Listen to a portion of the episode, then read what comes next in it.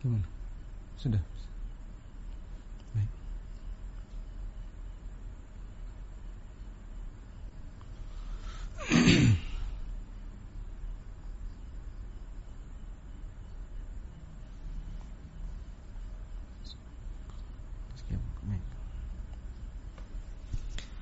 Assalamualaikum warahmatullahi wabarakatuh.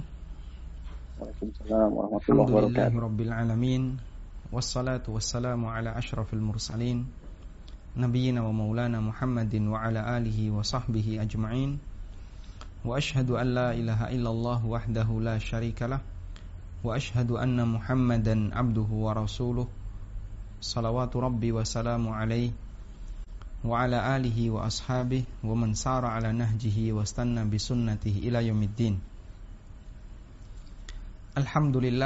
puji syukur kita haturkan kehadirat Allah Subhanahu wa taala.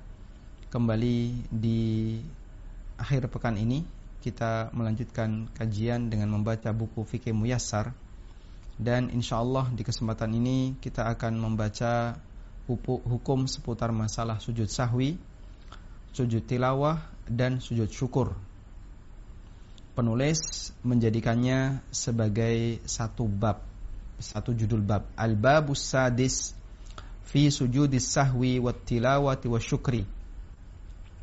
Bab yang keenam penjelasan tentang sujud sahwi, sujud tilawah dan sujud syukur.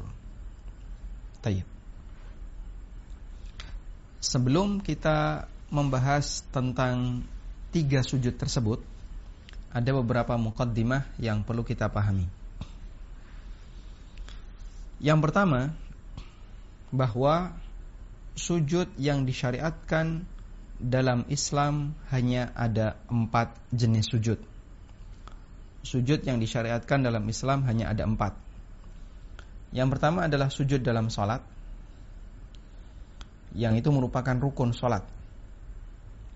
Yang kedua, sujud sahwi. Yang ketiga, sujud tilawah. Dan yang keempat, sujud syukur. Tidak ada jenis sujud yang kelima. Kalau Anda menemukan satu sujud yang disyariatkan dalam Islam yang kelima, nanti silahkan bisa langsung mengirim pesan kepada kami. Dan kami tidak menjumpai ada sujud yang kelima. Baik. Di masa silam ada bentuk sujud yaitu sujud dalam rangka takrim, memuliakan. Sujud dalam rangka menghormati. Tapi dalam syariat umat Muhammad sallallahu alaihi wasallam sujud seperti ini ditiadakan. Bentuk sujud takrim seperti sujud yang pernah terjadi di masa Nabi Yusuf alaihissalatu wassalam.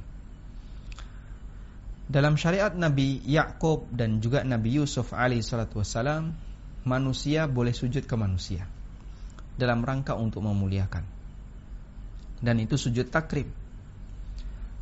Dan sujud seperti ini di masa silam termasuk bagian dari bentuk penghormatan kepada orang yang jauh lebih berilmu.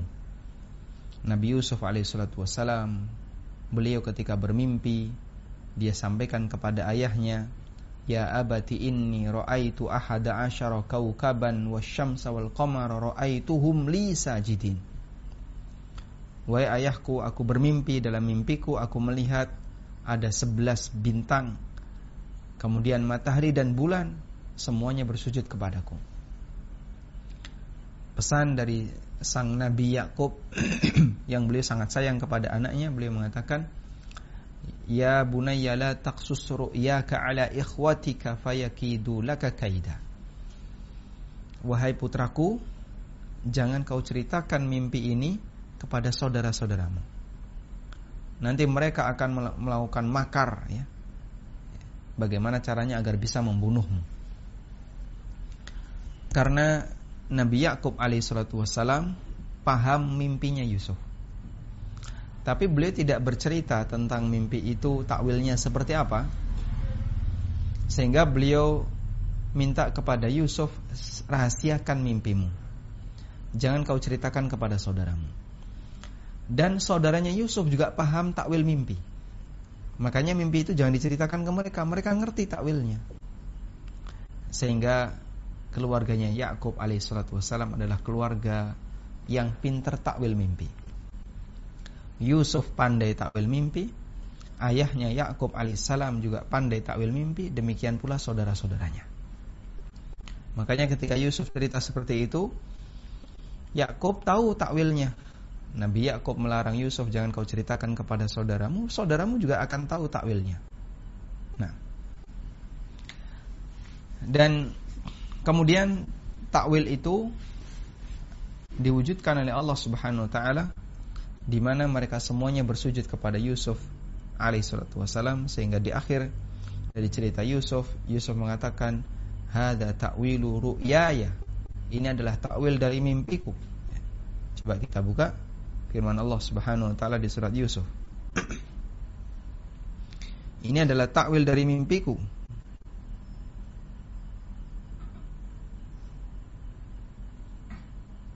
Hmm. Ada di surat Yusuf ayat ke-100 wa rafa'a abawaihi 'alal arsy wa kharru lahu sujada. Yusuf pun mengajak kedua orang tuanya untuk ke sana. Dan mereka semuanya sujud kepada Yusuf. Waqala dan Yusuf mengatakan, "Ya abati hadza ta'wilu ru'yaya. Min qablu qad ja'alaha rabbi haqqan." Wahai ayahku ini adalah takwil dari mimpiku. Min qablu sebelumnya yang dulu. Mimpiku yang dulu. Qad ja'alaha rabbi haqqa Allah telah menjadikan mimpi ini sebagai mimpi yang benar. Dan mereka bersujud kepada Yusuf dalam di surat Yusuf ayat 100 atau ceritakan itu. Dan sekali lagi sujud ini hanya berlaku bagi umat masa silam tidak berlaku bagi umat Muhammad sallallahu alaihi wasallam. Mu'ad bin Jabal radhiyallahu an pernah tiba-tiba sujud kepada Nabi SAW. Lalu ditanya, Mahadha ya Mu'ad? Apa-apaan ini wahai Mu'ad? Lalu Mu'ad mengatakan, Ya Rasulullah, aku melihat di Romawi orang-orang sujud kepada raja-raja mereka. Maka menurutku engkau yang lebih berhak untuk mendapatkan sikap seperti itu dari para sahabatmu. Kemudian Nabi SAW melarang lau kuntu amiran ahadan ayas juda li ahadin la amartun nisa ayas juda ila ba'liha. Andaikan aku boleh memerintahkan seseorang untuk sujud kepada orang lain, niscaya aku perintahkan para wanita untuk sujud ke suaminya. Taib. Selanjutnya kita akan membaca dari buku atau kemudian mukaddimah berikutnya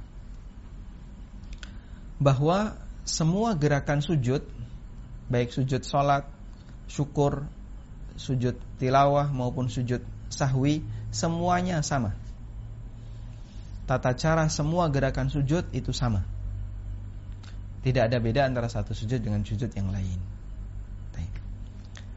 Selanjutnya, bedakan kita gunakan share kontennya agar bisa lebih maksimal. Tolong Anda bedakan antara sholat dengan sujud. Sujud itu salah satu di antara rukun sholat. Ya. Mohon untuk dibedakan dua ini ya.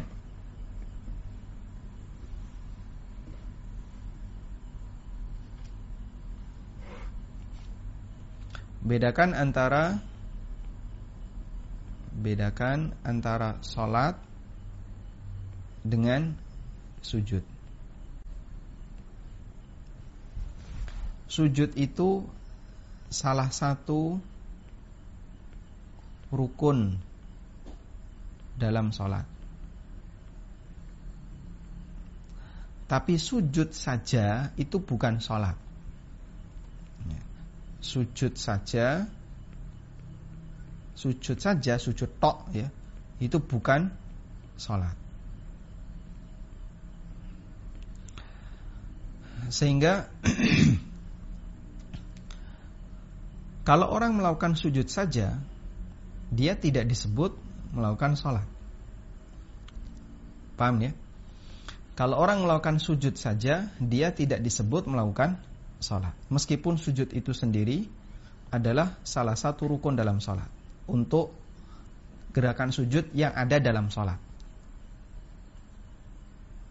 Baik. Maksudnya gimana Pak? Kok ada pembahasan kayak gini? Nah, kita nanti kalau lihat konsekuensinya akan bisa lebih mendapatkan pelajaran. Jadi dalam sholat itu ada syarat.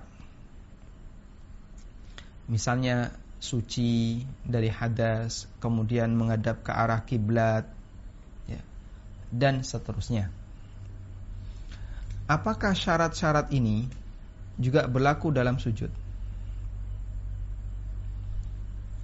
Maka jawabannya, jika sujud itu adalah sujud dalam sholat, maka berlaku karena dia masuk dalam lingkaran sholat. Ya. Ini sholat misalnya, kemudian di dalamnya ada sujud. Maka sujud dalam sholat ini harus memenuhi syarat sholat. Dia harus dalam kondisi suci, sujudnya menghadap ke arah kiblat dan seterusnya. Tapi kalau sujud saja yang itu di luar sholat, ya, ada sujud di luar sholat, sujud di luar sholat. Maka ya, tidak harus sesuai syarat sholat. Tidak harus sesuai syarat sholat. Maksudnya bagaimana orang jika melakukan sujud saja itu tidak harus dalam posisi suci dari hadas. Ada nggak pak sujud saja dan tidak sholat? Ya itu sujud syukur. Misalnya kita sedang duduk atau sedang melakukan aktivitas apa pun lalu tiba-tiba datang kabar gembira. Disampaikan pak sapimu mana? Nah, ini kabar gembira nggak ini senang dia uh sapi saya beranak wah senang dia maka dia langsung sujud itu apakah perlu wudhu tidak Kenapa? Loh, kamu kok sujud padahal tadi belum wudhu. Loh, ini kan sujud saja, bukan sholat. Sehingga sujud saja, karena dia bukan sholat, tidak harus memenuhi syarat sebagaimana syarat sholat. Atau ada orang membaca Al-Quran, lalu melewati ayat sajdah, kemudian dia sujud. Maka yang dia lakukan adalah sujud saja dia tidak melakukan sholat. Nah di posisi ini apa yang dia lakukan itu bukan sholat karena itu tidak harus sesuai dengan syarat sholat. Dan karena itu hanya sujud saja maka tidak perlu ada takbir. Tidak perlu takbir. Tidak perlu takbiratul ikhram. Allahu Akbar terus sujud. Loh kenapa? Takbir itu berlaku dalam sholat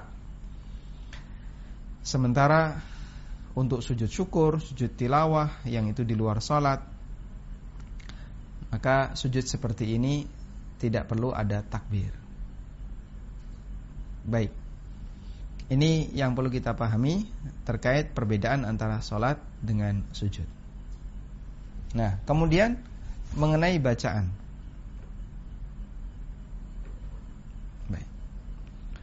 Bacaan sujud. Bacaan sujud itu ada yang sifatnya umum. Dan ini berlaku untuk semua sujud Contohnya Subhana rabbiyal a'la Subuhun kudusun rabbul malaikati warru Ini berlaku untuk semua sujud Ada bacaan sujud yang bersifat khusus maka ini berlaku sesuai posisi. Baik. Dan bacaan sujud yang bersifat khusus ini hanya ada di sujud tilawah. Sedangkan sujud sahwi, sujud syukur di situ tidak ada bacaan khusus. Maka kalau ada yang bertanya, apa yang perlu dibaca ketika orang sujud sahwi? Jawabannya sujud saja. Dan silahkan membaca doa sujud yang umum, Subhana rabbiyal a'la. Tidak baca pun tidak masalah. Karena di situ hanya sujud saja gerakannya. Sedangkan bacaannya kembali kepada bacaan sujud yang umum. Sedangkan sujud tilawah ada bacaan khusus. Ya. Dan kita baca sesuai dengan posisinya. Walhamdulillahirobbilalamin. Taib. Ini beberapa mukaddimah terkait masalah fikih sujud sebelum kita membahas tentang isi dari buku. Selanjutnya kita akan membahas dari kitab Fikih Muyassar untuk bab yang ke-6 di kitab Shalah. Fi sujudis sahwi wa tilawah wa syukur. Bab tentang sujud sahwi, sujud tilawah dan sujud syukur. Materi yang pertama, al-mas'alatul ula. Tentang disyariatkannya untuk sujud sahwi dan sebab-sebab sebab-sebab sujud sahwi. Wal muradu bihi maksud dari sujud sahwi adalah sujud yang diperintahkan untuk dilakukan di akhir salat. Jadi sujud sahwi itu diperintahkan al-matlub diperintahkan. Sehingga sujud sahwi itu bersifat wajib.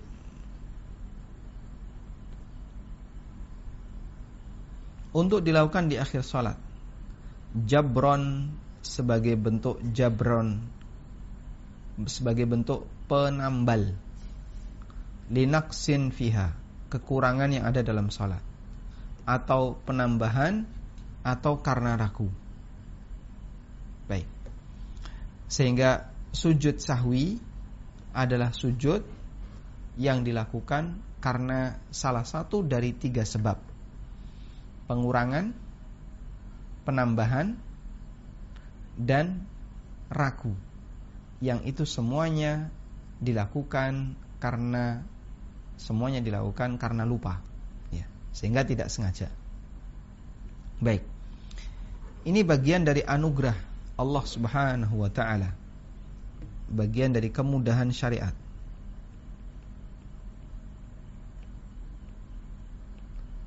Di mana orang yang salah dalam ibadah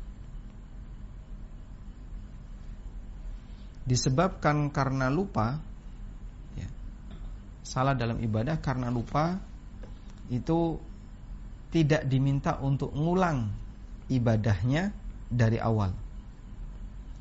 Salah ibadah karena lupa tidak harus ngulang ibadahnya dari awal.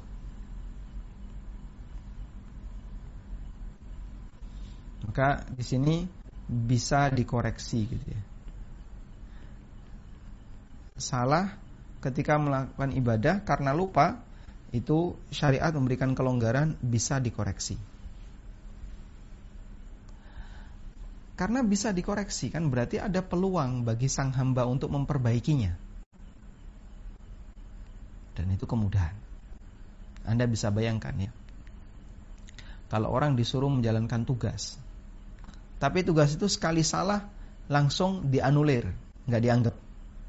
Salah dikit langsung dianulir, nggak dianggap. Ya. Dan ketika dianulir, dia nggak mendapatkan apa pun, meskipun dia sudah kerja, meskipun dia sudah mengeluarkan banyak sekali biaya. Maka tentu orang itu akan selalu dihantui dengan ketakutan, jangan-jangan salah, jangan-jangan keliru. Nah, dalam syariat kita, orang yang melakukan ibadah karena lupa, maka ibadah yang dilakukan karena lupa itu sehingga dia salah, maka dia bisa dikoreksi. Nah, nah salah satunya adalah keberadaan sujud sahwi.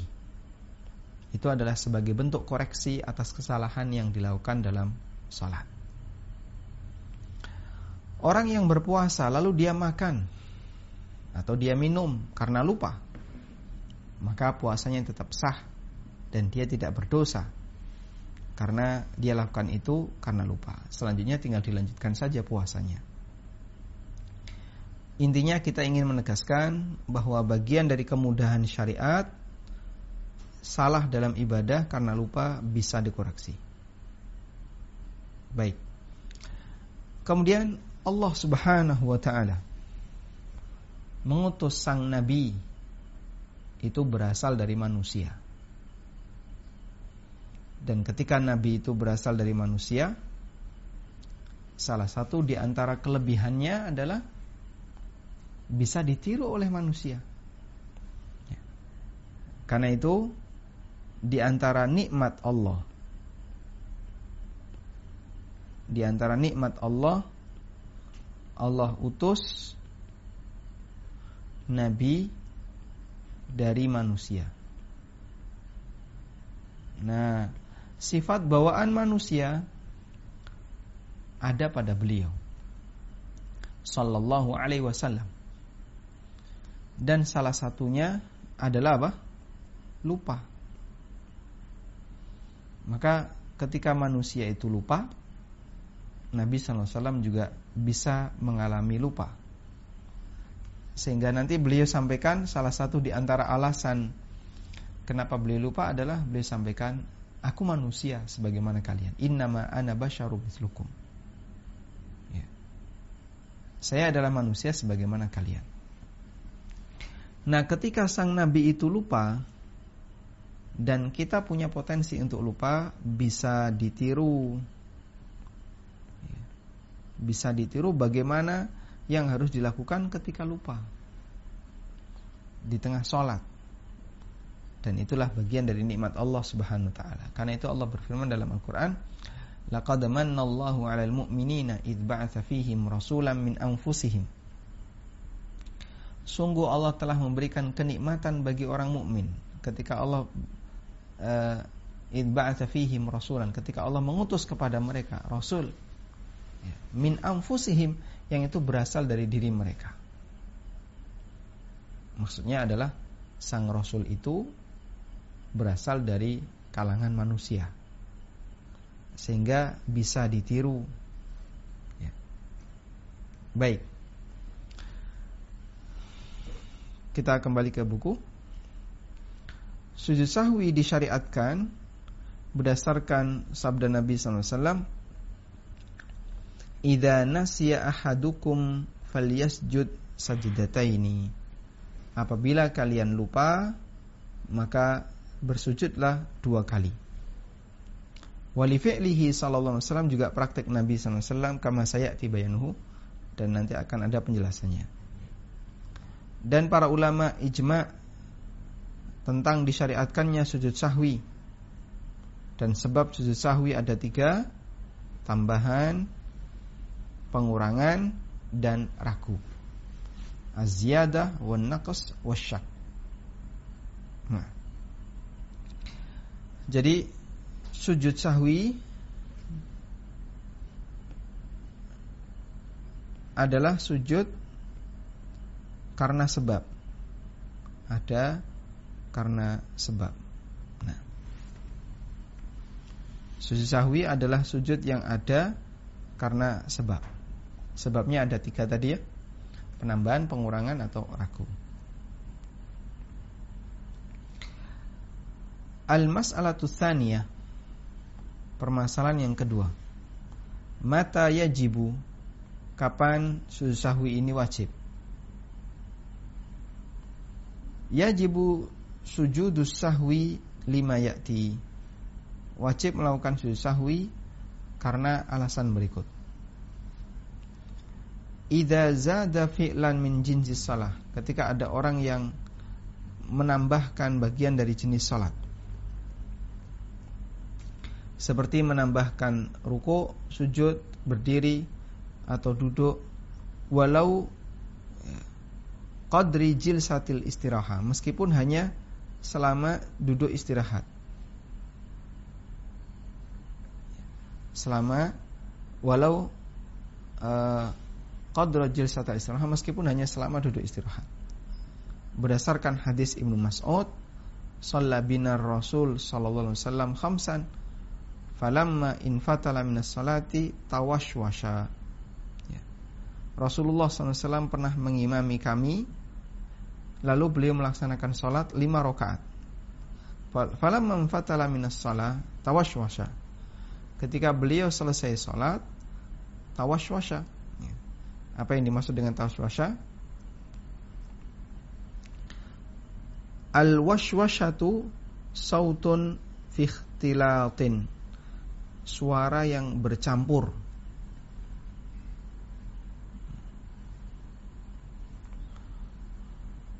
Wallahu taala alam sehingga di sini semakna dengan tawaswasa yaitu beliau uh, apa menjadi dapat was-was disebabkan karena sholatnya. Beliau sholat lima rakaat, salam, jadinya nggak tenang. Tawaswasal kaumu bainahum, ya, sehingga orang-orang jadi nggak tenang. Masyarakat jadi para sahabat yang berada di belakangnya para makmum menjadi bingung. Faqala Lalu beliau bertanya, "Ma sya'nukum?" Ada apa kalian? Faqalu mereka mengatakan, "Ya Rasulullah, hal zida fis salati syai'?" Ya Rasulullah, apakah ada tambahan dalam salat? Qala jawab beliau, "La, enggak ada."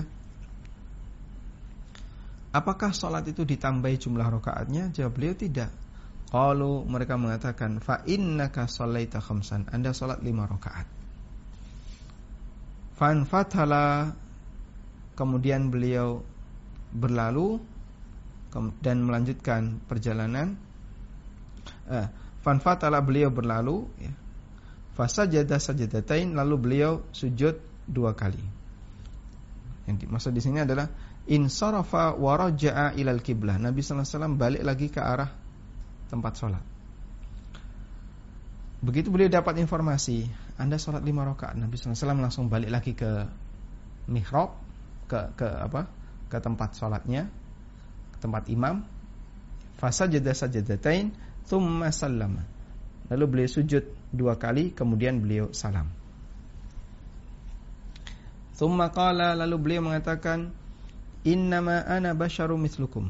Aku manusia sebagaimana kalian. Ansa kamatan saun Aku bisa lupa sebagaimana kalian lupa. Fa idza nasiya ahadukum falyasjud sajdatain. Siapa di antara kalian yang lupa, maka lakukan sujud dua kali, yaitu sujud sahwi.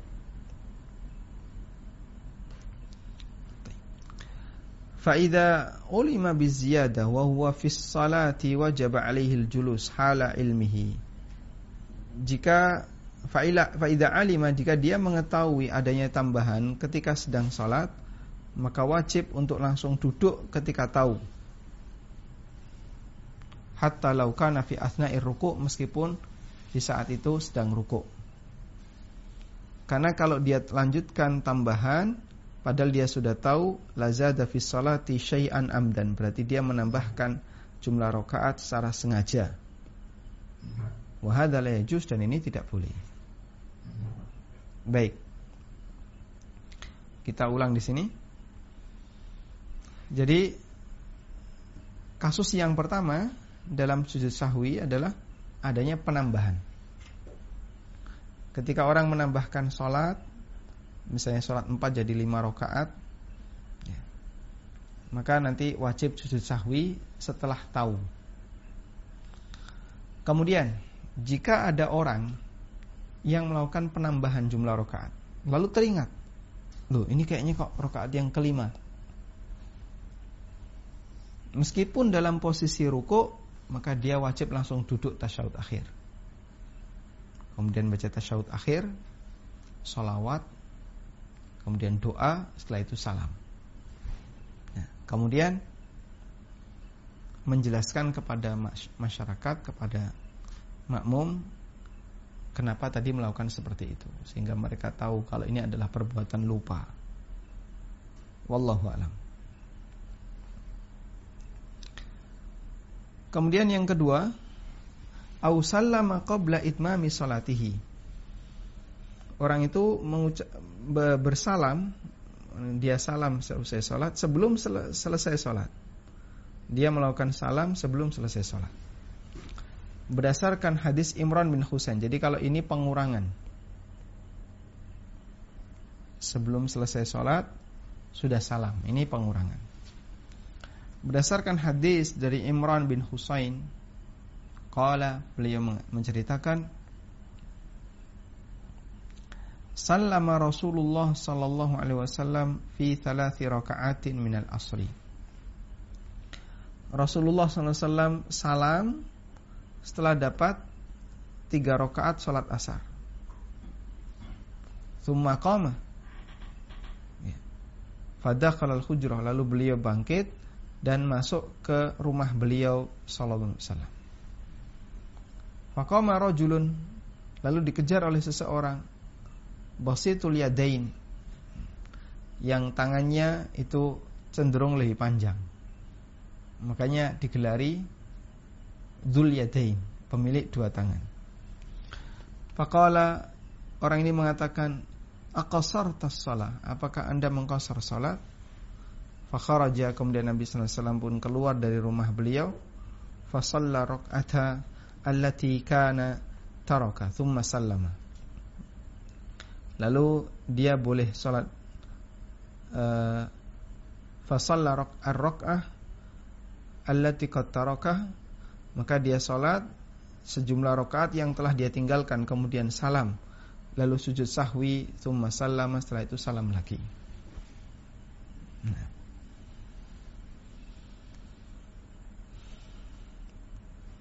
Kemudian yang ketiga adalah melakukan kesalahan bacaan yang bisa mengubah makna karena lupa. Karena ini jika dilakukan secara sengaja menyebabkan batal sholat. Maka jika karena lupa wajib untuk sujud sahwi.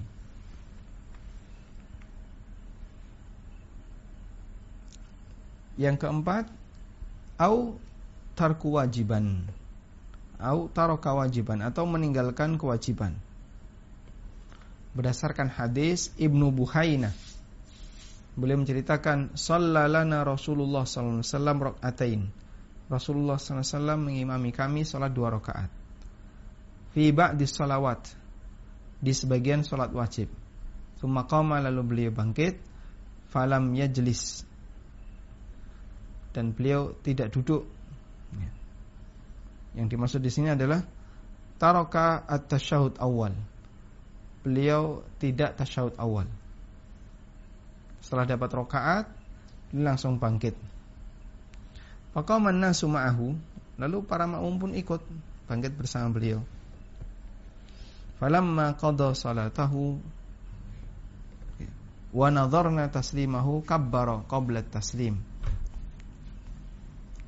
Ketika salat sudah selesai dan kami menunggu salam beliau, tiba-tiba beliau bertakbir sebelum salam. Takbir dalam rangka untuk melakukan sujud sahwi. Fasajada sajadatain. Wa huwa jalisun dalam posisi duduk. Thumma sallama. Kemudian setelah itu beliau salam. Ya, sujud sahwi terus salam.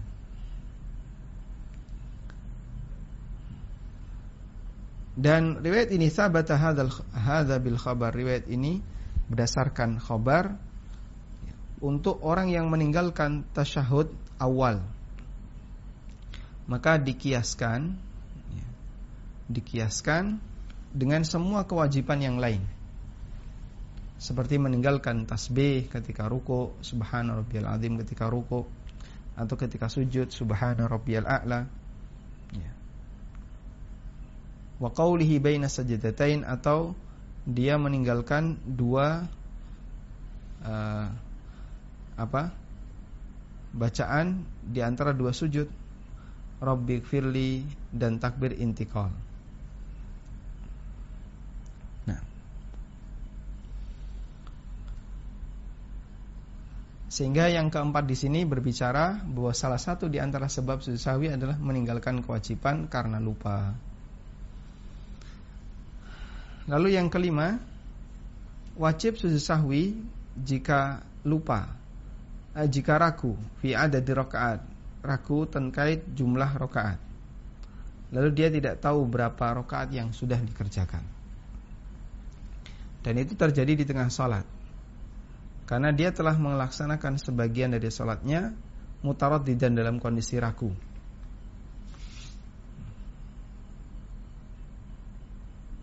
Fi kaunihi minha au zaidan 'alaiha. Baik itu bagian dari salat ataukah tambahan dari salat. Fa dha'ufat an-niyah.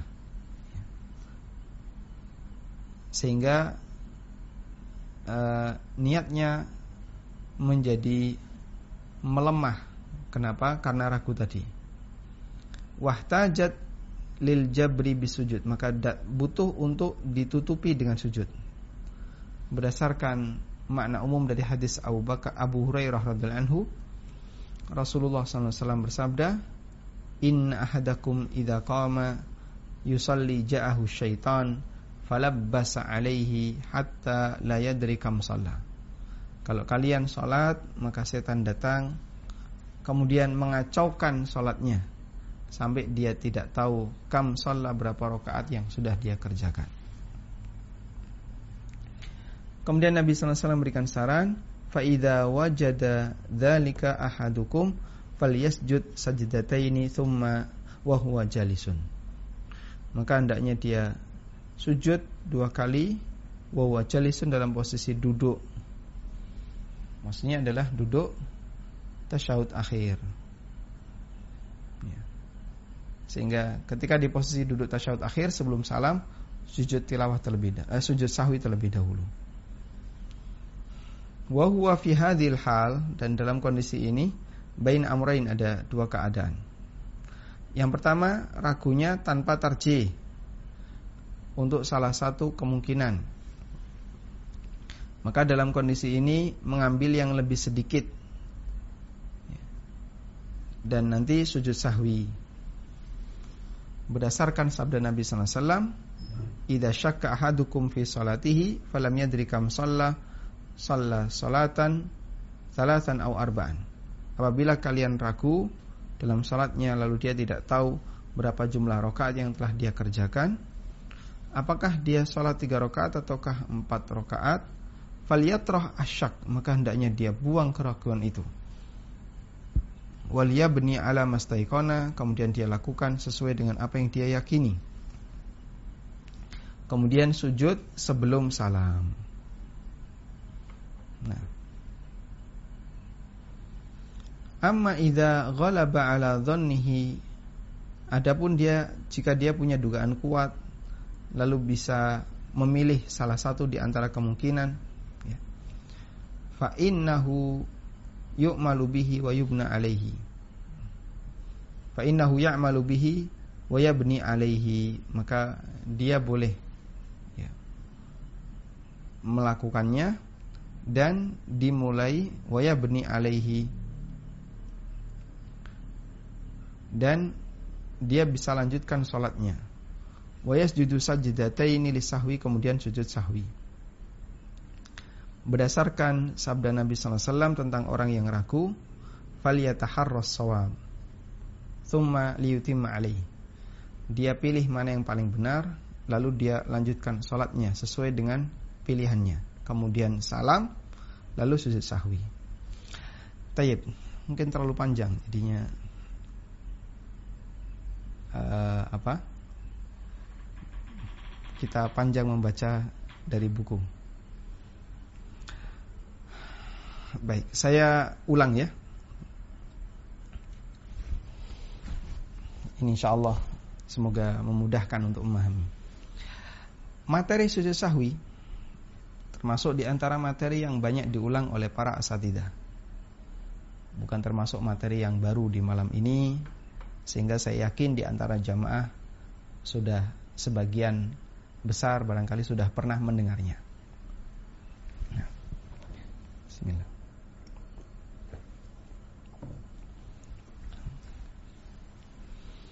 Kita berikan catatan tentang sujud sahwi. Tadi telah kita sampaikan sujud sahwi itu harus karena sebab. Tidak boleh sujud sahwi tanpa sebab. Tidak boleh tanpa sebab.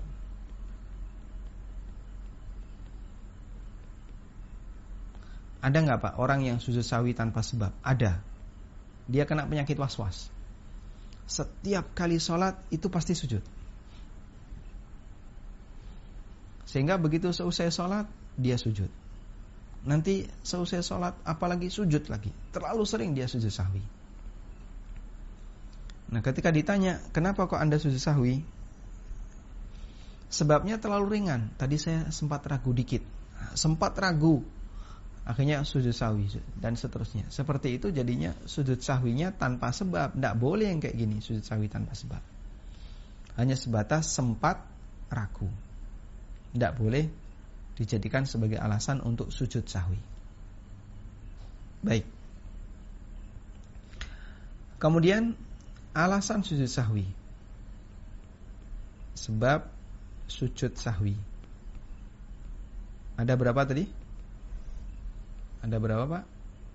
Tiga Satu Penambahan Contoh kasus yang dialami Nabi SAW adalah Sholat lima rakaat Yang kedua Pengurangan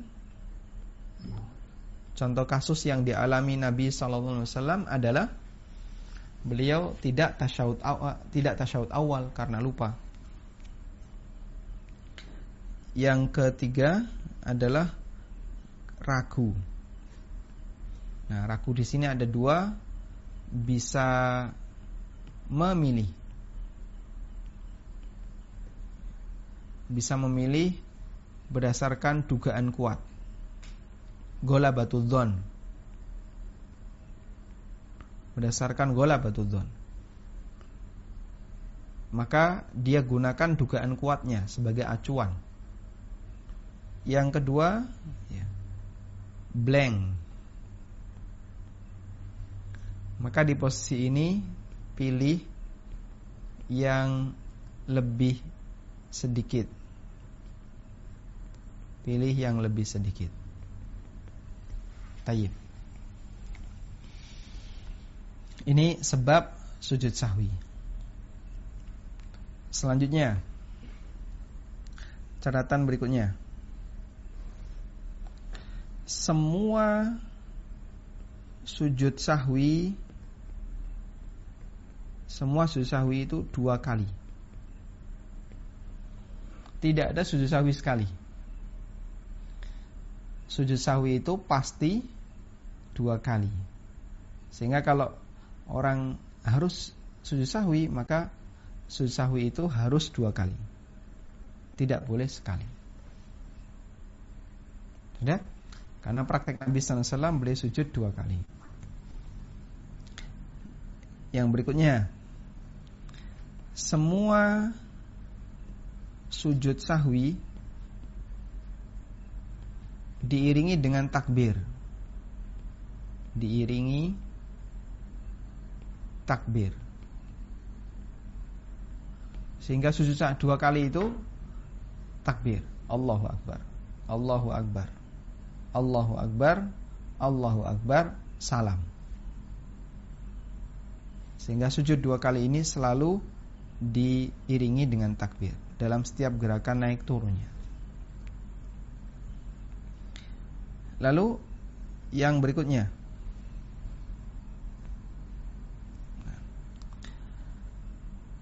tidak ada bacaan khusus.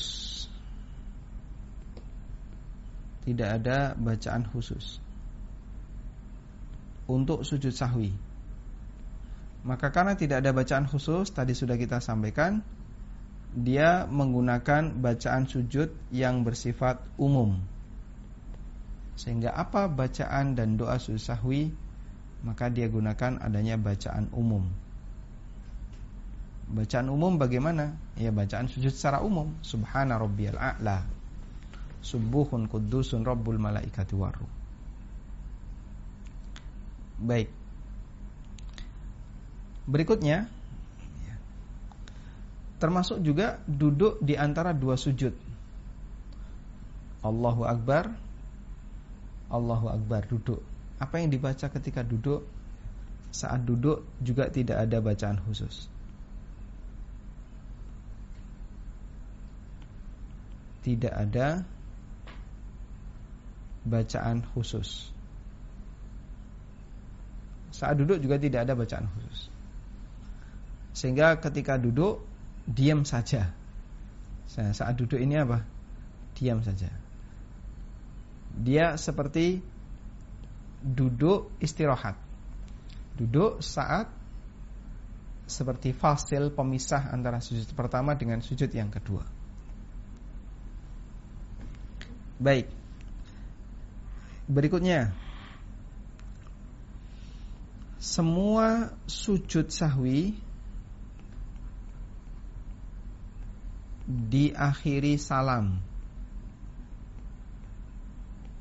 Semua sujud sahwi diakhiri dengan salam. Baik sujud sahwi yang dilakukan sebelum salam maupun setelah salam. Kalau dilakukan sebelum salam ya, seusai tasyahud Allahu Akbar tasyahud akhir at-tahiyatu lillah wassalawatu wattayyibat sampai selesai fil alamina innaka hamidum majid. Allahumma inni a'udzubika min adzabi jahannam wa min adzabil fitnah wa min fitnatil masiihid dajjal. Sudah Allahu Akbar sujud. Allahu Akbar duduk diam saja. Allahu Akbar sujud lagi. Subhana rabbiyal a'la. Allahu Akbar terus langsung salam. Sehingga salamnya di sini satu, tapi untuk menutupi dua. Sujud sahwinya di sini sekali, untuk menutupi eh, salamnya sekali untuk menutupi dua, yaitu salam sholat dan salam sujud sahwi. Demikian pula sujud sahwi yang dilakukan di luar salam. Ya. Setelah selesai tasyahud, lalu salam, kemudian sujud sahwi, maka nanti salam lagi. Maka di sini saya buat kaidah semua sujud sahwi diakhiri salam. Karena saya pernah saksikan, eh, saya pernah lihat langsung ya. Ada orang yang sujud sahwi setelah itu nggak salam. Allahu Akbar sujud, Allahu Akbar, Allahu Akbar, Allahu Akbar duduk. Terus bingung dia. Terus ngapain? Nah, Begitu bingung dia langsung uh, pindah posisi bersila. Posisi duduknya langsung pindah bersila selonjor. Saya perhatikan tadi nggak salam. Mungkin beliau nggak ngerti kalau sujud sahwi itu ada salam. Baik. Ini beberapa catatan terkait sujud sahwi. Nah, kemudian posisi duduk posisi duduk itu iftirosh ataukah tawaruk? Posisi duduk itu iftirosh ataukah tawaruk? Jawabannya eh, iftirosh. Karena ini hukum asal duduk. Maka dia duduk iftirosh. Allahu Akbar, Allahu Akbar tadi duduknya duduk iftirosh. Kalau tawaruk boleh nggak? Ya silahkan. Kalau duduk bersila monggo, tapi kan jadinya repot kalau duduk bersila untuk sujud. Ya, sehingga posisi sujud pada asalnya adalah iftirash. Baik. Kemudian tentang sebab sujud sahwi. Itu ada dua, ada yang wajib, ada yang anjuran. Ini sudah kita bahas tadi, yang ini belum. Lanjutannya penulis menyampaikan tentang sebab sujud sahwi yang sifatnya dianjurkan. Kita coba baca.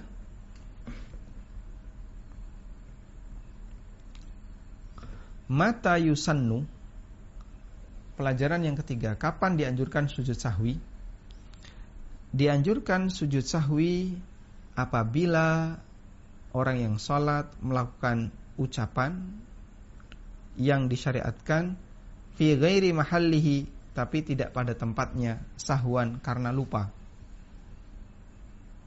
Ya. Misalnya ada orang yang membaca ruko dan sujud serta tasyahud fil qiyam ketika berdiri. Ma'al ityani bil qaulil masyru' di saat yang sama dia membaca doa yang disyariatkan fidzalikal maudhi di tempat itu Misalnya ketika ruku dia membaca firman Allah, dia membaca uh, ma'a dia membaca subhana rabbiyal azim saat ruku padahal dia lupa tadi membaca doa sujud. Maka di posisi ini dianjurkan untuk sujud sahwi. Nabi SAW bersabda, "Idza si ahadukum falyasjud sajdatain." Kalau kalian lupa, lakukanlah sujud dua kali. Jadi untuk sebab anjuran di sini statusnya adalah salah bacaan tapi langsung dikoreksi. Langsung koreksi dengan bacaan yang benar. Nah, ini nanti dianjurkan untuk sujud sahwi. Misalnya ada orang yang ruku, ketika ruku dia membaca subhana rabbiyal a'la. Setelah itu dia ingat, loh, ini kan ruku saya. Subhana rabbiyal azim, subhana rabbiyal azim. Terus sami Allah liman hamidah. Nah, di posisi ini maka nanti di penghujung sholat dianjurkan untuk sujud sahwi. Wallahu alam. Satu lagi ya. Insya Allah masih kuat posisi. Ya, posisi sujud sahwi. Posisi sujud sahwi.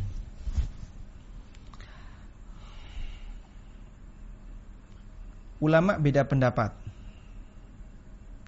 Ada yang mengatakan semua sujud sahwi itu setelah salam Ada yang mengatakan semua sujud sahwi sebelum salam. Ada yang mengatakan dirinci sesuai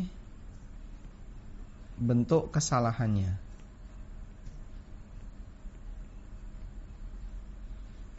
Apakah bentuknya penambahan, pengurangan ataukah ragu? Dan pendapat yang ketiga inilah yang lebih mendekati karena lebih sesuai dengan praktek Nabi SAW. Ada yang mengatakan pendapat yang keempat disesuaikan dengan praktek Nabi Sallallahu Alaihi Wasallam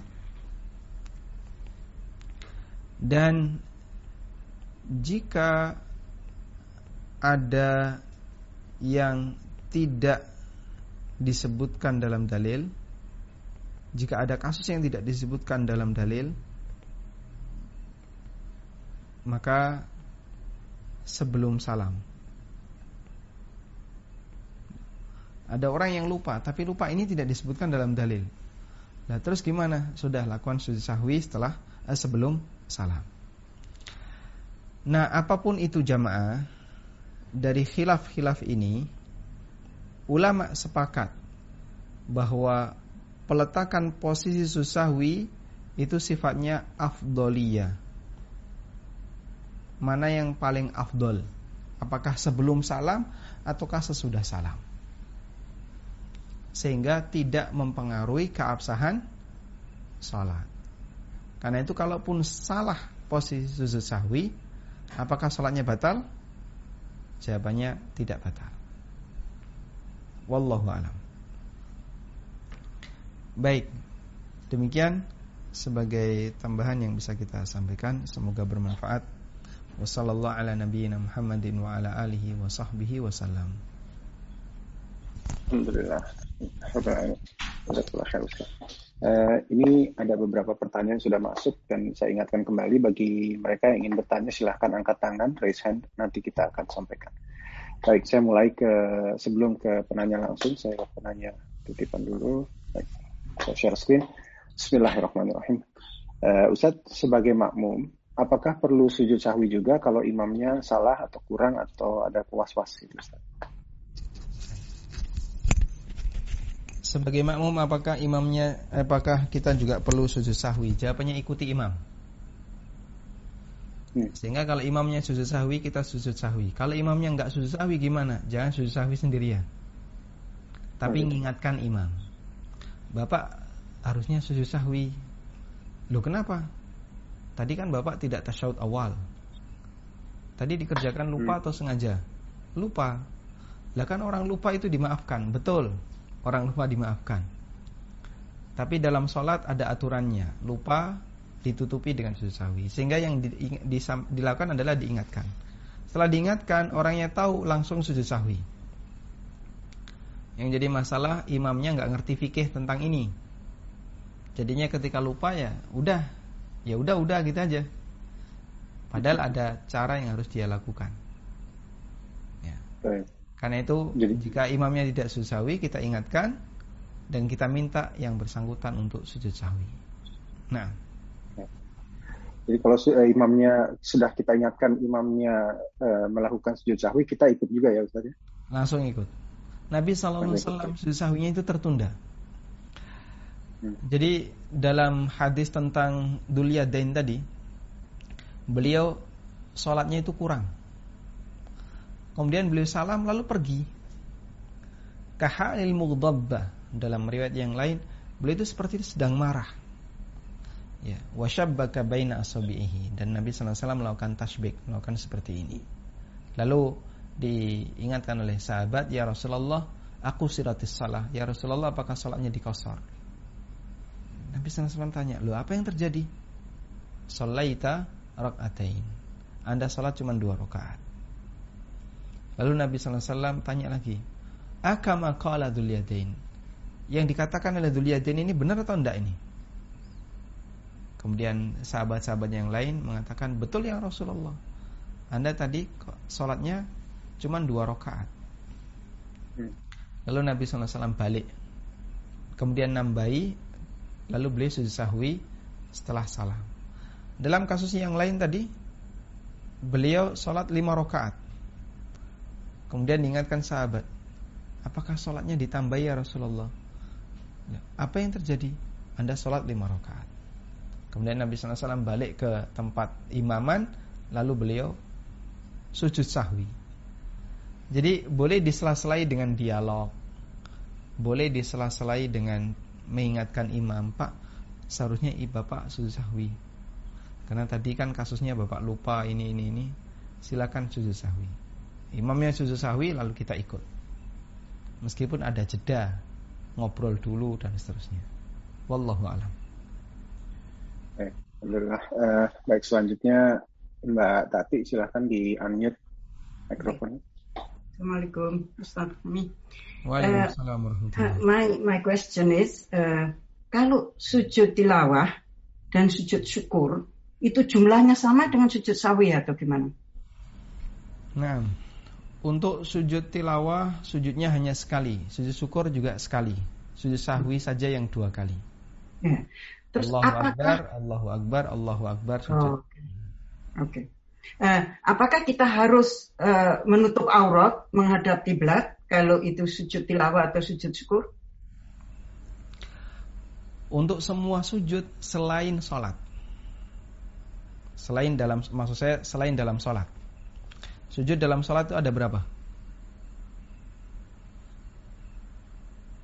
Sujud dalam sholat hanya ada tiga kemungkinan ya. Sujud sholat itu sendiri, hmm. sujud sahwi itu sujud dalam sholat dan sujud tilawah jika dia membaca ayat sajdah ketika sholat ada tiga hmm. kemungkinan ini. Nah untuk sujud saja yang sujud saja hanya ada tiga kemungkinan pula. Eh, hanya hanya dua kemungkinan sujud syukur dan sujud tilawah. Ya nah hmm. untuk sujud syukur dan sujud tilawah saja di luar sholat apakah perlu menghadap kiblat apakah perlu menutup aurat? Misalnya ada ibu-ibu yang membaca Quran dalam posisi tidak pakai kerudung. Boleh nggak? Boleh. Boleh.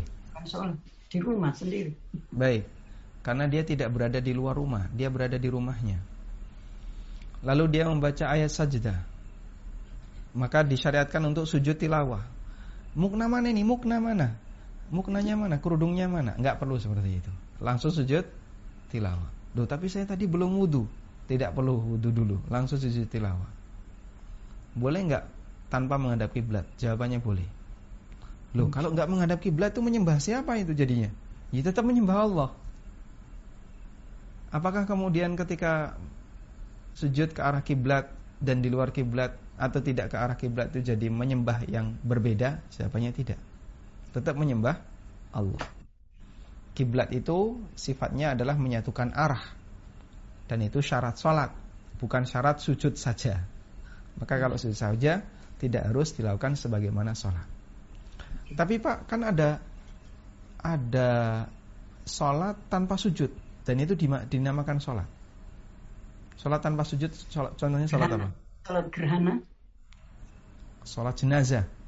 Oh, jenazah, oh iya jenazah. Iya, iya, iya jenazah. Kalau gerhana ada. Sholat jenazah. Betul, sholat jenazah tanpa ruku, tanpa sujud. Tapi Nabi SAW menyebutnya sholat. Kalau Rasulullah SAW menamakannya sholat, ya kita sebut sholat meskipun tanpa ruku tanpa sujud. Dan Nabi SAW tidak menyebut sujud tilawah sholat Sehingga sujud tilawah bukan sholat Sujud syukur juga bukan sholat. Tapi sujud saja. Karena itu tidak disyaratkan Untuk dilakukan sebagaimana sholat. Meskipun Kalau orang melakukan sujud tilawah Dan sujud syukur dalam posisi sempurna sebagaimana sholat itu pahalanya lebih besar. Sehingga anda baca Quran wudhu dulu, menutup aurat, menghadap kiblat. Begitu ketemu ayat sajdah, sujud dalam posisi seperti orang yang sholat, menghadap kiblat, menutup aurat, eh, kemudian suci dari hadas dan seterusnya. Itu akan lebih sem sempurna sehingga pahalanya insya Allah lebih besar. Iya.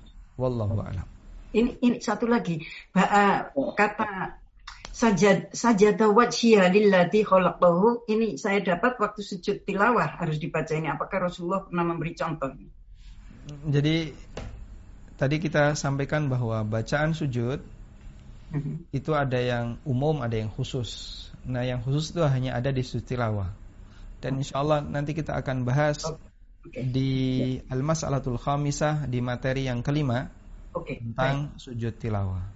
Jazakumullah khair. Barokallahu fikum. Afikum Baik, uh, ya nanti kita akan masuk ke pembahasan di dua sujud yang lain. Saya share screen kembali Ustaz untuk pertanyaan sebelum kita ke penanya langsung. Baik, Bismillahirrahmanirrahim. Assalamualaikum Pak Ustaz, mau bertanya. Uh, pada saat kita melakukan sujud sahwi, pada saat proses duduk di antara dua sujud, ada pendapat kita membaca bacaan yang biasa untuk bacaan di antara dua sujud, ada juga pendapat tidak membaca apa-apa pada duduk di antara dua sujud. Mohon pencerahannya mana yang benar dan apakah ada hadis yang kuat untuk hal ini. Waalaikumsalam.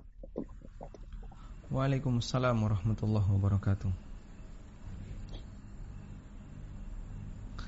Uh, wallahu taala alam. Coba kita buka di sini.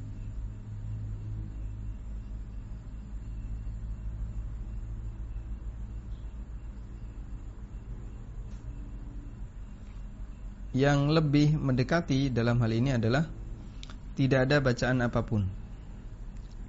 Afwan belum belum share screen. Baik.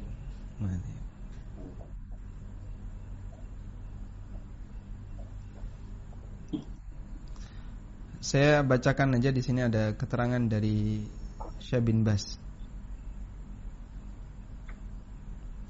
Kalau Syekh bin Bas dalam fatwanya ketika beliau ditanya, "Madza naqulu baina sajdataini fi sujudi sahwi?" Apa yang perlu kita baca jika kita duduk di antara dua sujud sahwi? Jawaban beliau, "Mithla ma yuqalu fi sujudi shalah." Membaca sebagaimana sujud dalam salat, Rabbi firli, Rabbi firli, Allahumma firli, warhamni dan seterusnya. Ya. Sehingga kita baca sebagaimana uh, apa? Duduk di antara dua sujud ketika sholat. Tadi adalah fatwa dari Syekh bin Bas. Kemudian juga yang disampaikan dalam Asyarhul Kabir. Dalam Asyarhul Kabir dinyatakan bacaan sujud sahwi sama sebagaimana sujud solat kiasan alaih dikiaskan dengan solat dan bacaan duduknya juga sama karena dikiaskan dengan itu. Sehingga di sini nampaknya ya jumhur ulama mengatakan bacaannya sama sebagaimana sujud dalam salat.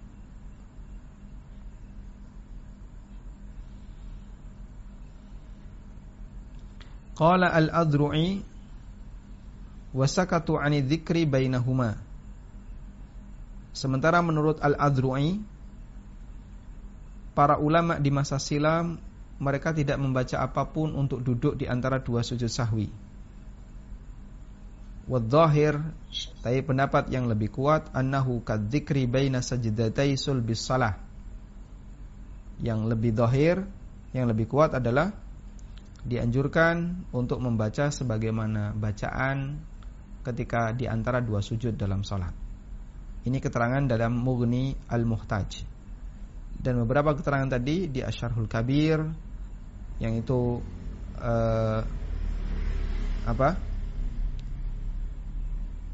Juga di Al-Mughni Muhtaj ini mewakili pendapat Syafi'iyah menunjukkan kalau mereka berpendapat dianjurkan untuk membaca sebagaimana di antara eh, di antara dua sujud. Duduk di antara dua sujud. Jazakumullah khairan jadinya ada dua pendapat dalam hal ini. Tapi dohirnya jumhur mengatakan tetap membaca sebagaimana bacaan duduk di antara dua sujud. Wallahu a'lam. Uh, berikutnya saya persilahkan Leo Abu Sajid silahkan di unmute mikrofonnya singkat saja ya. Alhamdulillah, jazakallah khairan moderator. Assalamualaikum warahmatullahi wabarakatuh, Ustaz. Waalaikumsalam warahmatullahi wabarakatuh. Barakallahu fikum Ustaz dan jami'an semua. Ustaz, Ana masih uh, kurang jelas tadi perkara yang uh, waktu yang afdoliyah itu Ustaz. Jadi sujud sahwinya itu uh, tergantung ya dirinci kesalahannya seperti apa yang dia itu dilakukan sebelum atau sesudah sujud. Nah itu kapan sebelumnya, kapan uh, sesudahnya itu Ustaz? Baik. Assalamualaikum warahmatullahi Waalaikumsalam warahmatullahi wabarakatuh. Posisi sujud sahwi apakah sebelum salam ataukah sesudah salam itu sifatnya afdoliyah. Sifatnya afdoliyah. Artinya ketika itu lebih sesuai sunnah maka lebih afdol. Dan kalaupun salah tidak menyebabkan sholatnya jadi batal atau sujud sahwinya jadi batal. Sehingga misalnya seharusnya sujud sahwinya dilakukan sebelum salam. Tapi dia lakukan setelah salam. Atau seharusnya dilakukan setelah salam, tapi dia malah sujud sahwi sebelum salam. Apakah sholatnya batal? Jawabannya tidak. Sholatnya tetap sah dan sujud sahwinya juga sah. Itu yang dimaksud Abdullah. Ini sebagaimana keterangan Imam Al-Khattabi rahimahullah terkait masalah posisi sujud sahwi ketika orang lupa dalam sholat. Mau sebelum maupun sesudah itu sifatnya hanya afdoliyah. Nah, wallahu a'lam. Baik, sebelum menjawab pertanyaan saya langsung ke pertanyaan berikutnya. Uh, Assalamualaikum Ustaz. Kalau salah bacaan dalam surat dan lupa tidak membaca surat, bagaimana Ustaz setelah Al-Fatihah? Waalaikumsalam warahmatullahi Tadi kita telah sampaikan bahwa uh, sujud sahwi itu harus ada sebab. Karena itu, apabila ada orang yang melakukan satu kekeliruan tertentu, tapi itu bukan menjadi sebab sujud sahwi, wallahu alam. Uh, secara pribadi saya mengatakan tidak perlu sujud sahwi. Salah dalam bacaan sholat itu pernah dilakukan oleh Nabi SAW. Maksudnya setelah Al-Fatihah ya. Jadi beliau membaca surat lalu keliru. Keliru. Nah, kemudian Nabi SAW beralih ke surat yang lain atau beliau ruku. Seusai sholat, tapi di, di riwayat itu tidak disebutkan. Setelah itu Nabi SAW ngapain gitu ya. Pokoknya yang jelas beliau keliru. Beliau terhenti tidak bisa melanjutkan ayat karena lupa. Kemudian seusai sholat Nabi SAW menoleh ke belakang. Di belakang beliau ada Ubay bin Ka'ab. Lalu Nabi SAW tanya kepada Ubay Kamu tadi tahu kan kalau saya keliru? Bala ya Rasulullah Betul ya Rasulullah. Terus kenapa kamu diam saja? Jadi tidak meluruskan bacaannya Dan dalam riwayat itu tidak disebutkan Rasulullah SAW melakukan sujud sahwi. Berarti dohirnya tidak beliau tidak sujud sahwi. Sehingga kalau sebatas salah bacaan setelah Al-Fatihah yang lebih tepat tidak perlu sujud sahwi. Wallahu a'lam. Uh, pertanyaan berikutnya ini sebetulnya mirip dengan pertanyaan Pak Leo tadi, cuman uh, penjelasannya diperlukan dirinci sesuai bentuk kesalahannya itu maksudnya bagaimana Ustaz? Baik. Waalaikumsalam warahmatullahi wabarakatuh. Apa yang dimaksud dirinci sesuai bentuk kesalahannya? Jadi kesalahan dalam sholat Kesalahan Kesalahan dalam sholat itu ada tiga. Yang pertama adalah pengurangan. Bentuk kesalahannya berupa pengurangan. Misalnya tidak tasyahud awal atau tidak membaca doa ketika sujud, ketika ruko. Saat sujud diam saja atau ruko diam saja karena lupa atau ketuker tadi karena lupa. Ketuker itu kan berarti sama dengan tidak membaca di posisi ruku baca doa sujud. Lalu itidal sami Allah liman hamidah. Itu sama dengan berarti tadi dia belum baca doa ruku. Tapi saya sudah baca doa sujud. Tidak pada tempatnya itu doa sujud, bukan doa ruku. Nah ini berarti kesalahannya bentuknya pengurangan. Ada yang bentuknya penambahan. Misalnya penambahan jumlah rokaat atau penambahan sujud. Orang sujud, Allahu Akbar duduk di antara dua sujud, Allahu Akbar sujud lagi, terus dia lupa, Allahu Akbar duduk di antara dua sujud, terus Allahu Akbar sujud lagi. Nah itu penambahan. Penambahan rokaat, penambahan gerakan dan seterusnya. Dan yang ketiga adalah karena ragu. Karena ragu. Ragu ini berapa ya rokaat saya? Tiga atau empat ya? Tiga atau empat? Tiga atau empat? Ya, ragu dia. Yang sering adalah ragu jumlah rokaat. Ini yang dimaksud bentuk-bentuk kesalahan dalam sholat. Nah untuk pengurangan sujud sahwinya sujud sahwinya sebelum salam. Untuk penambahan sujud sahwinya setelah salam. Untuk ragu ada dua tadi ya. Pertama, ragu yang punya indikator atau ada dugaan kuat. Ragunya ada dugaan, ini tanpa dugaan. Blank tadi. Saya tulis aja blank. Untuk ragu yang ada dugaan ragu yang ada dugaan maka ikuti dugaannya. Lalu setelah itu sujud sahwi. Setelah salam atau sebelum salam? Setelah salam atau sebelum salam? Di sini tadi coba kita bacakan hadisnya ya. Untuk ragu amma idza ghalaba ala dhannihi wa tarajjaha ahadal ihtimalain fa innahu ya'malu bihi wa yabni alaihi wa yasjudu sajdatain lisahwi Adapun orang yang punya dugaan kuat sehingga dia bisa memilih salah satu di antara keraguan itu, maka dia pilih sesuai dugaannya. Lalu dia lanjutkan sholatnya. Ya. Kemudian dia melakukan sujud sahwi eh, dia melakukan sujud sahwi setelah salam. Jadi sujud sahwinya kalau ada dugaan ini setelah salam. Nah, untuk yang blank sebelum salam.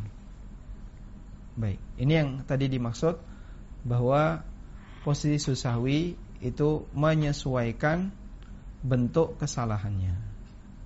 Wallahu a'lam. Yang tadi sudah kita singgung ya. Ya. Alhamdulillah Uh, ini ada pertanyaan. Ini menyambung pertanyaan yang pertama tadi Ustaz tentang imam yang sujud sahwi. Uh, Assalamualaikum Ustaz. Apabila makmum masbuk ternyata imam melakukan sujud sahwi, apakah makmum ikut sujud sahwi dengan alasan makmum masbuk tersebut tidak mengetahui sebab imam sujud sahwi karena kejadiannya sebelum makmum bergabung. Terima kasih. Ya. Apakah Waalaikumsalam warahmatullahi wabarakatuh? Apakah makmum juga ikut sujud sahwi ketika imamnya sujud sahwi? Jika ya, Ini dirinci ya. Jika Satu Imam sujud sahwi sebelum salam Maka makmum ikut. Jika imam sujud sahwinya sebelum salam Makmum yang Yang masbuk ikut. Kenapa? Karena imamnya sujud dan sholat belum selesai karena imamnya belum salam maka makmum juga ikut. Meskipun dia nggak ngerti apa sebabnya. Yang kedua jika imam sujud sahwi setelah salam apakah makmum juga ikut? Jawabannya tidak.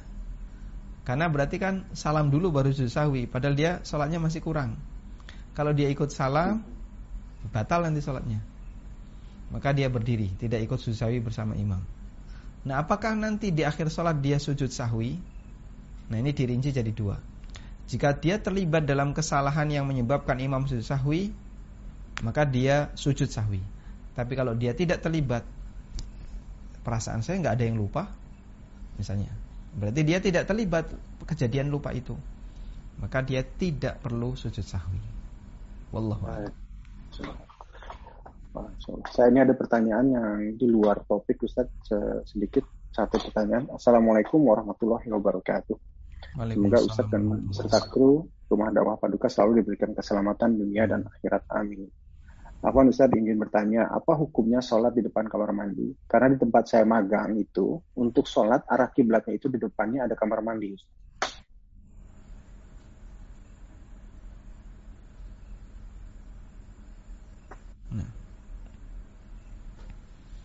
Apa hukum sholat dengan menghadap ke arah hammam, ke arah kamar mandi? Ini ada fatwa dari Syekh bin Bas. Beliau mengatakan la haraja fi dzalika. Gak ada masalah. Al manhiyu anhu huwa salatu fil hammam. Yang dilarang itu salat di dalam kamar mandi. Adapun jika keberadaan kiblat itu berada di depan atau berada di sebelah kanannya atau kirinya itu adalah kamar mandi fala haraja fi dzalika tidak masalah ya. wa salatuha fil hujra afdal li'annaha ab'adu anir riya wa ab'adu an, an ru'yati rijal fahi afdal salatnya wanita di dalam kamar itu lebih afdal ya. jadi di sini Syekh bin Bas ditanya wanita yang sholat di dalam kamar tapi arah kiblatnya di depannya ada kamar mandi. Kata beliau nggak ada nggak jadi masalah. Yang dilarang itu kalau sholat di dalam kamar mandi. Wallahu alam. Ini fatwa dari Syekh bin Bas. Alhamdulillah. Uh, ini penanya langsung dari Los Angeles satu lagi. Istilah uh, Ibu Tim silahkan. Yang singkat saja Ibu. Assalamualaikum warahmatullahi wabarakatuh. Pak Ustaz, jika uh, lupa atau ragu tetapi ingatnya sudah agak lama setelah sholat selesai, setelah dibuka mukena, bagaimana itu caranya Pak Ustaz? Apakah harus langsung atau kalau sudah lupa agak lama bagaimana? Jazakallahu khairan. Baik. Ragu ada yang tidak perlu digubris ada tiga ragu kata Imam Ibnu Utsaimin yang tidak perlu dipedulikan, nggak usah digubris. Tiga bentuk ragu. Satu, sebatas waham. Waham itu keraguan yang terlalu ringan. Kayak kayaknya kok anu ya, kayak kayaknya. Itu namanya waham. Keraguan yang tingkatannya sangat rendah. Maka yang seperti ini nggak perlu digubris. Yang kedua, orang yang muaswis, kena penyakit was-was. Terlalu sering ragu. Hampir setiap sholat dia mengalami keraguan. Sampai ikut jamaah sekalipun dia kadang ragu. Nah, padahal sudah ikut jamaah ya, makmum tinggal ikuti imamnya, dia masih ragu. Wah ini muaswis. Nah orang muaswis seperti ini keraguannya nggak diperhitungkan. Yang ketiga, ragu pasca ibadah. Ibadah sudah selesai, uh, sudah lepas mukna, ya, kemudian baru muncul keraguan, kayaknya kayaknya. Nah itu nggak perlu digubris. Ya. Sementara keraguan yang dipedulikan adalah selain dari tiga ini, kuat, ragunya itu kuat, cukup kuat. Yang kedua, dia bukan tipe orang yang terlalu sering ragu, ya ragu pernah tapi sekali dua kali bukan tipe yang sering yang ketiga masih di dalam ibadah itu. Seperti tadi ya ragu jumlah rokaat ragu berapa putaran tawaf ya. Kalau dia ragu tadi kayak putaran tawafnya kayaknya kurang ya. Itu dari gundul nah, kamu udah tahalul gini baru ngomong kayak gitu. Ya kayak gini nggak perlu dipedulikan. Karena keraguan seperti ini berarti dia ragu seusai ibadah. Wallahu a'lam. Uh, sudah waktu saya tanya saya yang penitip ini nomor 6. Assalamualaikum warahmatullahi wabarakatuh. Izin bertanya, apakah kita boleh membatalkan sholat dan mengulang dari awal kalau lupa atau ragu karena belum paham dan bingung tentang pelaksanaan pelaksanaan sujud sahwi? Waalaikumsalam warahmatullahi wabarakatuh. Ini penyakitnya orang yang uh, ya kalau boleh saya katakan jarang belajar agama gitu ya. Masyarakat awam itu rata-rata kayak gitu. Jadi sholat jamaah misalnya, imamnya nggak ngerti bagaimana fikih lupa dalam sholat. Ya, sehingga ketika dia bergerak mau mengucapkan subhanallah, bergerak lagi subhanallah, bingung dia. Begitu dia bingung, stres, langsung noleh ke belakang. Eh, baleni wae, baleni. Salatnya dibaleni, diulangi lagi. Dan itu ada beberapa cerita lucu yang sampai ke saya gitu. Karena dia nggak ngerti tentang bagaimana cara sujud sahwi yang benar. Cara apa solusi ketika orang itu lupa. Pada waktu ya, ketika saya belum belajar agama lebih serius ya nggak ngerti tentang cara seperti ini nggak ngerti tentang bagaimana cara sujud sahwi yang benar kalau lupa itu apa yang harus dilakukan nggak ngerti ya rata-rata seperti itu. Begitu lupa ragu dan seterusnya batalin sholat diulangi. Setelah paham tentang fikih sujud sahwi saya menganggap ini anugerah yang luar biasa. Masya Allah. Sehingga saya bayangin dulu waktu sempat ragu, waktu sempat A, B, C, andaikan saya tahu fikih ini, gak perlu bingung, gak perlu batalin sholat, gak perlu ngulang dari awal. Sudah ada solusinya. Apa yang harus saya lakukan ketika saya mengalami keraguan, ketika saya mengalami penambahan, ketika saya mengalami pengurangan karena lupa.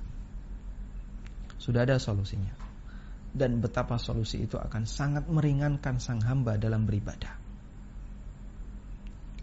Demikian pula jamaah. Pada saat orang paham tentang agama lebih banyak, itu ibadahnya lebih tenang. Nah, orang kalau ibadahnya lebih tenang, lebih maksimal. Ya, makanya begini, para jamaah umroh, jamaah haji, itu kalau nggak didampingi oleh pembimbing, dia itu was-was, khawatir. Jangan-jangan nanti keliru Pak Ustadz. Tolong ditemani. Tolong ditemani, tolong didampingi. Kadang kan ada jamaah yang mau ngulang umroh. Selesai umroh, kemudian ngambil mikot, umroh lagi. Wah itu kalau harus didampingi terus oleh pembimbing, ya, pembimbingnya ya rada kesel nanti jadinya, kecapean. Ya, makanya kadang kayak gitu dia itu khawatir, jangan-jangan nanti saya salah, keliru. Karena ketika orang itu melakukan ibadah dan bekal ilmunya kurang, jadi terasa ringan. Maksudnya terasa ringan gimana? Gampang mengalami potensi keraguan. Kalau sudah seperti itu, tingkat keyakinan ibadahnya jadi rendah. Dan itu akan membuat ibadahnya tidak lebih berkualitas. Makanya penting untuk belajar. Nah, sekarang kalau sudah tahu seperti ini, pegangi baik-baik ilmu ini. Dan kalau mengalami keraguan, langsung ingat. Kemarin yang saya pelajari sujud sahwi. Sebelum salam atau sudah salam ya? Wah itu rinciannya banyak. Wah Anda bingung kan? Kalau bingung, tapi saya masih ingat Pak Ustadz bilang mau sebelum salam maupun sudah salam sifatnya abdoliyah, ngawur aja tidak apa-apa. Nah, kalau anda sudah sebelum salam, insya Allah sah. Tapi kan yakin, sholatnya sah, tidak meninggalkan keraguan. Itu anugerah yang luar biasa. Makanya salah satu di antara pengaruh yang saya betul-betul mensyukuri seusai saya belajar agama ibadah itu terasa lebih tenang, lebih nyaman gitu ya. Berbeda dengan orang yang dia tahu ibadah sholat hanya permukaan saja, tahu umum saja. Dia tidak tahu detail yang seperti ini. Nah, alhamdulillah. Alhamdulillah. Eh, aku Ustaz ini ada admin, salah satu admin mau bertanya nih. eh, silahkan Pak Roland, ini unmute. Nah, betul. Assalamualaikum warahmatullahi wabarakatuh Ustaz. Waalaikumsalam warahmatullahi wabarakatuh. Uh, tadi kalau terkait dengan jenis-jenis kesalahannya yang dan keraguan itu tadi juga disebutkan ada kalau yang disunahkan kalau salah bacaan ya Ustaz ya salah tempat bacaan itu kalau misalnya jadi ada ku, ada dua jenis kesalahan atau keraguan sal, salah bacaan dan kurang rakaat itu jumlah rukut ruku uh, uh, sujud sahwinya itu bagaimana Ustaz? Apakah tetap dua atau ada cara khusus lainnya maksudnya kondisi kondisi lainnya gitu ya, yang perlu dilakukan? Baik. Jika kita mengalami kesalahan beberapa kali dalam satu sholat Itu sujud sahwinya berapa? Apakah satu kesalahan dua sujud sahwi, dua kesalahan jadi empat sujud empat. sahwi. Wah, nanti kalau tiga empat jadinya dikalikan aja. Jawabannya cukup sepaket. Satu paket sujud sahwi berapa kali? Dua. Dua sujud. Dua. Nah, dua sujud. Karena itu kalau misalnya uh, rukuk rokaat pertama salah, keliru bacaan. Rukuk rokaat yang kedua keliru bacaan juga. Sujudnya juga keliru bacaan. Sehingga dia salah beberapa kali. Tapi di akhir tasyahud dia teringat tadi itu salah beberapa kali. Maka cukup sujud sahwi dua kali. Tidak perlu berkali-kali. Untuk menutupi semua kesalahan itu. Wallahu a'lam. Jazakallah khair Ustaz uh, apa Ustaz ini ada dua pertanyaan lagi nih Ustaz gimana Ustaz? Eh, silahkan. Ya, baik. Alhamdulillah. Jazakallah khair. Uh, pertanyaan pertama, Ustaz, apakah kalau salah bacaan Al-Quran setelah Al-Fatihah, tapi langsung dikoreksi, apakah harus sujud sahwi juga? Barakallahu fiqh. Baik, ini tadi sudah kita singgung, jawabannya tidak perlu sujud sahwi. Nabi SAW pernah mengalami itu dan beliau dalam riwayat itu dohirnya beliau tidak melakukan sujud sahwi. Dan kita juga jumpai imam di Masjidil Haram, di Masjid Nabawi, di masjid-masjid yang lain yang ada videonya ya. Beliau salah lalu dibenerin belakangnya dan dalam prakteknya tidak melakukan sujud sahwi. Uh, saya lanjutkan ke pertanyaan berikut. Ini pertanyaan terakhir untuk malam ini, Ustaz. Insyaallah. Assalamualaikum. Afwan tanya Ustaz. Apakah saat tasyahud, tasyahud awal maupun akhir jari telunjuk kita sudah menunjuk terlebih dahulu sebelum kita ucapkan asyhadu alla ilaha illallah. Mohon penjelasannya Pak Ustaz juga. Waalaikumsalam warahmatullah. Mengenai posisi kapan telunjuk itu diacungkan saat tasyahud, ulama berbeda pendapat. Ada yang mengatakan saat kita mengucapkan illallah.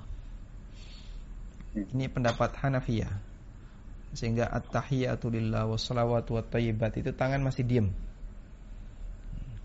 Asyhadu an la ilaha illallah wa asyhadu anna Muhammadan abduhu wa rasuluh ditutup lagi. Ada yang mengatakan sejak asyhadu an la ilaha illallah sampai akhir. Dan ada yang mengatakan sejak at-tahiyatu lillah wassalawatu wattayyibat. Jadi ulama khilaf mengenai kapan waktu yang tepat ini mulai ngacung. Ada khilaf dalam masalah ini. Dan Anda memilih pendapat A, B, C dan seterusnya sifatnya masing-masing adalah ijtihad dari masing-masing ulama. Karena dalam hadis itu hanya disebutkan Nabi SAW berisyarat dengan jari saat tasyahud. Kapan posisi mulai isyarat jari terjadi khilaf di antara mereka. Wallahu alam Baik. Alhamdulillah mungkin pertanyaan sudah selesai untuk malam ini Ustaz. Insyaallah sudah. Alhamdulillah.